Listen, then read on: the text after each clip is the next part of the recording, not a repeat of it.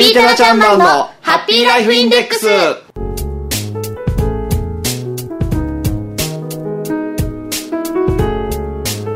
タナちゃんマンのハッピーライフインデックス。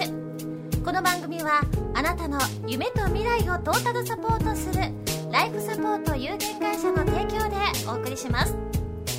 私たちと一緒に明るい未来幸せな生活になるための心の豊かさについていろいろと考えてみませんか？番組ではあなたからの質問やご意見も受け付けています。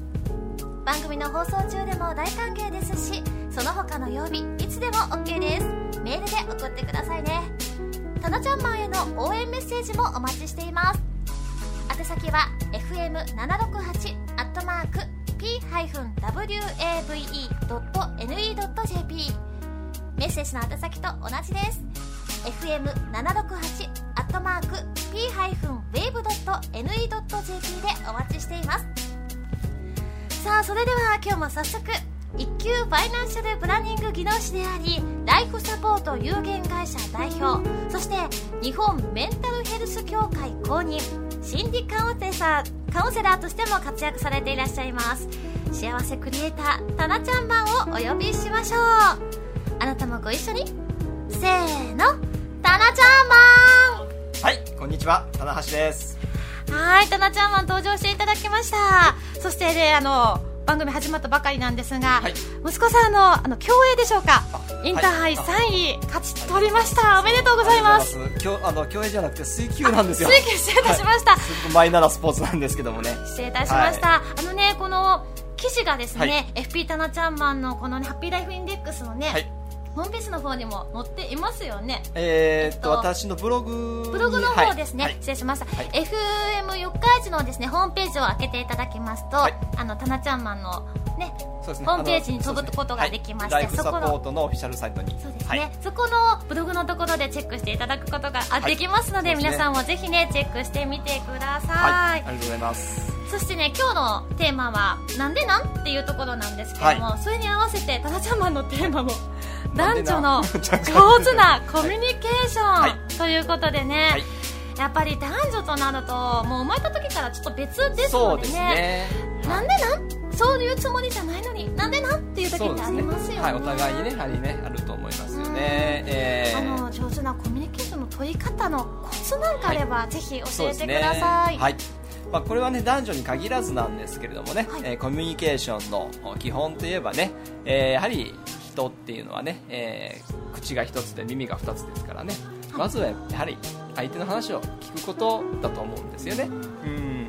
で、えー相手の話を、ね、よく目を見ながら聞くことで、うん、コミュニケーションを図れると思うんですけれども、うん、とは言ってもやはりねこうお願いしたいこととかねお話ししたいことってやっぱりあると思いますので、はい。そこのところでねやっぱ気をつけていかないと男女間やはりこう違いますんで感性がやっぱり違うと思いますんでね。うん。トラブルになったりとかねはい。悲しい結果になったりとかいうことがあるのかなと思います、そうですか、はい。例えば具体的にこういう風にしていくといいよなんていうアドバイスがあれば。そうですね。うん。はい。すぐにでも使えるような。あそうですね、はい、やはりその男女のコミュニケーションの基本っていうのは、はい。えーやはりこう相手に、ね、も何かを伝えるときっていうのはアイメッセージで主語を自分にしてお話をしてこう、ねえーしていくことですよね。例えば相手がこう何か自分に気に入らないことを、ね、こう自分がこう不愉快に思うようなことを行動したときにあなたどうしてそういうことをするのよではなくて、うん。私はあなたのそういうことをしているとすごく悲しいのとかですね自分を主語にしてお話をすることによって、えートラブルをね自分に防ぎながら、えーコミュニケーションを取っていくことができると思います。あじゃあ怒られたかはなんで怒られたかわからない。そうね。いう意味じゃないのにって思そうところが誤はい解が解けるかもしれない、ねということなんですね。はい。あそれでこう何かをねお願いをしたい時なんかもねあのアイメッセージでこう早くやってよではなくて私ができないからお願い助けて私が困ってるのお願い助けてって、あね、ヘルプのアイメッセージって言うんですけれどもで伝えることによって相手もこう快くねやりやすいじゃないですか。例えば、えー女性がね、えージャムの蓋が開かなくて困ってる時、うん。この蓋が取れなくて困ってるのお願い助けてってやれば男性の方もねあいいよって喜んでみたいな感じで受け取れますよね。あーそっか可愛くお願いしちゃうのも一つの手ということですか、はい、アイメッセージで伝えて、でポコッと蓋が開いた時に、ええ。そのその時に一言女性の方で言ってほしい言葉があるんですよ、うんなんだろう。蓋開けてくれたからありがとう？うんありがとう。もちろんありがとうはねもちろん大切なんですけどもな何か一言をつけてありがとうなんですけれども一なんだろう。言使っていただきたい言葉がすっごいなんですよ。あすっごいって言えばいいんだ。すっごい。これ結構ね男性には響くんですよね。すごい。パパありがとう。みたいな感じですか？もういつでもよいつでも言っておいでみたいな気分になりますよね。いつでも頼ってこいよぐらい。そうですよね。はい。でえもうこれはあのすごくあの女性から男性に対するコミュニケーションのコツといいますかね、うん、大切なところだと思います。やはりそのすごいですね。じゃあ男性から女性に対してはどうなのか。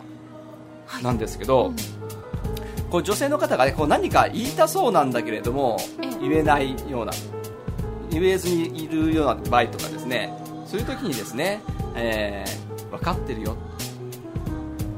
あ私はあなたのことを分かってるよっていうねもう分かってるよっていう言い方ではなくて分かってるわじゃなくて、うん、分かってるよっていうこれね。あ僕は君のことは分かってるよみたいな。そうですね。はい。あの包んでくれるような言い方ということですか？はい、そうですね。皆さん、はい。メモってますか？どうですか？ちいちゃんそのあ分かってるよって言われると。あでも嬉しいかも。今私がこうモヤモヤしてる気持ちってあ分かってくれてるんだっていう一瞬だけのこのホッとしたこの間だけでそうでこうイライラってきたカチカチっとしたところがちょっとそうですよね。あのヒットダウンしますね。ね。はい。でそこの信頼関係っていうのが築けると思いますんでね。そうですか、そうですか、はい。ああそうか。男性にはすっごいそしてちょっと甘え上手ということですね。ね。はい。そして女性には君のことは分かってるよはい。何か怒怒られそうになったら分かってるよ。っていうのそうですね。それもねうまくごまかせればいいんですけどもね。いやまあ怒ってる時はねちょっとね、えー、バカにしてるのかっていう話になってしまうかもわかんないですけれども。はい。今日のキーワードはアイコンタクトですね。ね。これはあの目のアイコンタクトの愛ではなくて、はい。あのアイマイミーの愛ですね。そうですね。はい。主語の愛ですよね。ね。はい。あそうですか。自分を主体として、まずは自分のそうですね。はい。主語を自分にして自分の感じたことを伝えていくということが大切だと思います。はい。例えば職場とかは？そうですね。同じですよね。よくねあの上司からね、うん。あのほうほうれん草が大切なんだとかよく言われるじゃないですか、うん。報告連絡相談。ね、うん。ほほうれん草きちんとやれよって言いながらも報告に行くと怒られ。うん。相談に行くと鬱陶しがられ 相談に行くと、ね、自分で考えなさいみたいなこと言われっていうだから誰もね ほうれん草やらないですよね。うん。だから上司も部下の言うことをねきちっとあの聞いてあげる、であのー部下がねどうしたいのかっていうのをしっかり聞いた上でじゃあ僕はこう思うんだっていうことを作れるとね相手が相手に対してねまだお前は経験が浅いからそういうことはまあい以前にもやったけどダメだったんだよっていうんではなくてあそうやってやってるんだね。以前僕がこうやった時はこうだったんだけどやってみるかって言ってねやってみるのも一つだと思いますしね。やっ聞くことが大切ですよね。まあはい。やっぱりそのイライラ、まあ、暑いからねちょっとイライラしちゃう気持ちも分からなくもないんですけれども、は心にゆとりをある程度持ってないとそうですね。そんなことも聞き入れられないし、はい。ということなんですね。入りづらいということですね、はい。皆さんだけましたでしょうか？ねあのタナちゃんはいろんな相談を受け付けてくれますからね、ぜひぜひこちらの方もご相談の方を受けていただきたいななと思いますけれども、はい。そしてねあの今日8月26日で6周年。あですよね。そうなんですよ。先先々週ですか、はあのスペシャルプランを報告していただきまして、はい。そうですね。もしまだはい。ありましたら、はい。まだ大丈夫ですよ、はい。あの9ご案内月はねまだ若干あの空きがありますのでね、はい。えー通常3万1500円で、えー行っておりますライフプランニングのご提案ですね、をお限定5組様で、ねえー限ってですね、えー無料でさせていただきますので、ねはい皆さん聞いていただけますか？30ページにわたる提案書がそうですね。3万1500円のところが無料で。ね。限定5組様ということでねねお願いしておりますけれども。あと数残り少ないですので皆さんおはい。早めにアクセスしてみてください、はい。でこのアクセス方法はですねあのタンザムのブログもありますけれども、FM 四日市また FM ポートウェーブのホームページを開いていただきますとタナちゃんのバナーがありますのでね、番組のバナバナーがありますのでこちらの方でアクセスしていただきたいななんて思っています、そそしてこの第2週と第4週のこの時間に登場してくれたなちゃま第4週はですね、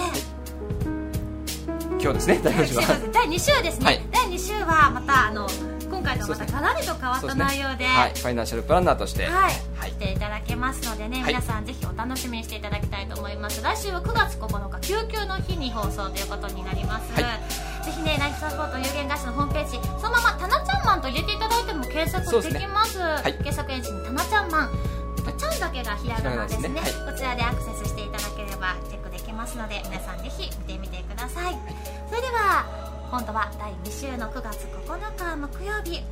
一級ファイナンシャルプランニング技能士としてのタナちゃんマンが明るい未来そして幸せな生活になるためのマネーライフのお話をしてくれますからね。お楽しみに。FP タナちゃんマンのハッピーライフインデックスこの番組はあなたの夢と未来をトータルサポートするライフサポート有限会社の提供でお送りしました。タナちゃんマンのためになるお話ありがとうございましこちらこそありがとうたございます。男性はすっごい。そして女性は分かってるよ。これをそうですね。はい。キーワードとして、は今日からもう今からそうですね。使えると思いますんでね。いただきたいと思います、い。またタナちゃん前の相談お待ちしていますよ、宛先は FM768 アットマーク b-wave.ne.jp こそありがとうございました。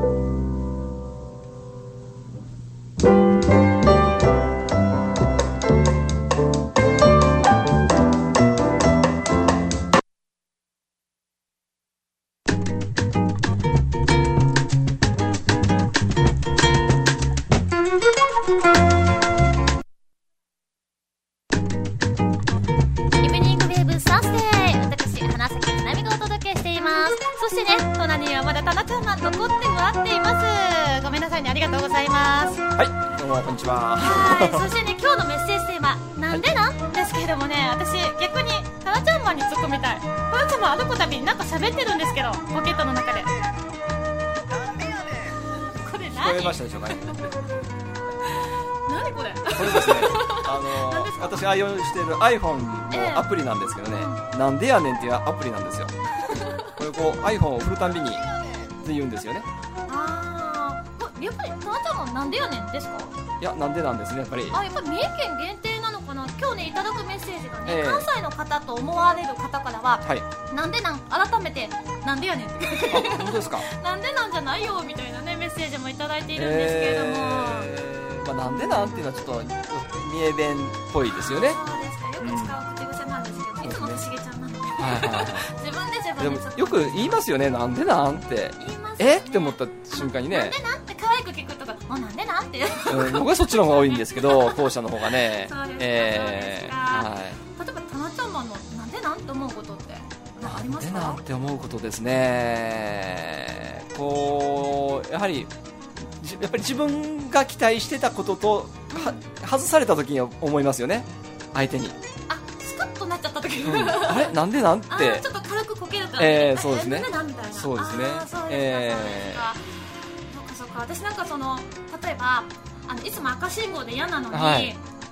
ねあの自分がリップの塗りたい時だけ、はい。なんで赤信号にならへんの？ああいいことじゃないです あかれ？と思ったりとか、はねなんで青続きなの？とかね、はいはいはい例えば道路をよく切る方って、ええ。横断歩道とかって最初すごい勢いよく走るのに、はいはい。途中でペースダウンしませんか、はいはいはい。あありますね。なんで走りいや僕も走りきらないですね。あれあ間に合ったみたいなんでもうペース落ちますよね。車側からだと結構ブレーキ踏んでます。はいはい走りはい切ってくれたらブレーキ踏まなくてもいいのにっていう。そう言われるとそうですよね。はい気をつけますこれから。ねはい。止まる準備をしてるのかしら。いや走り切る前にこうあ間に合ったっていう感じでね安心してペースダウンしますよね。ねえ歩道に来るがもうね歩きペーそうですよね。え人の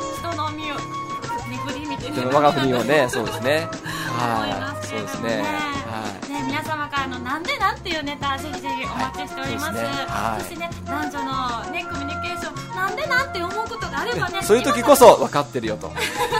返してあげてください。ねそして、はい女性は可愛くすっごいもうドキッとしますよね。もうときめいちゃいます はい。パワーアップいたします、はい。あなたは優しく包んでくれることでしょう、皆さんキーワードをしっかり覚えてこれからも上手なねコミュニケーションをとって、ねはい。円満にそうですね。過ごしていただきたいなと思います、暑い夏ならでは。こそね、そうですね。はい。余分な熱を使わずにね過ごしていただきたいなと思います、はい。それではお聴きいただきましょう。チームで夏の忘れ物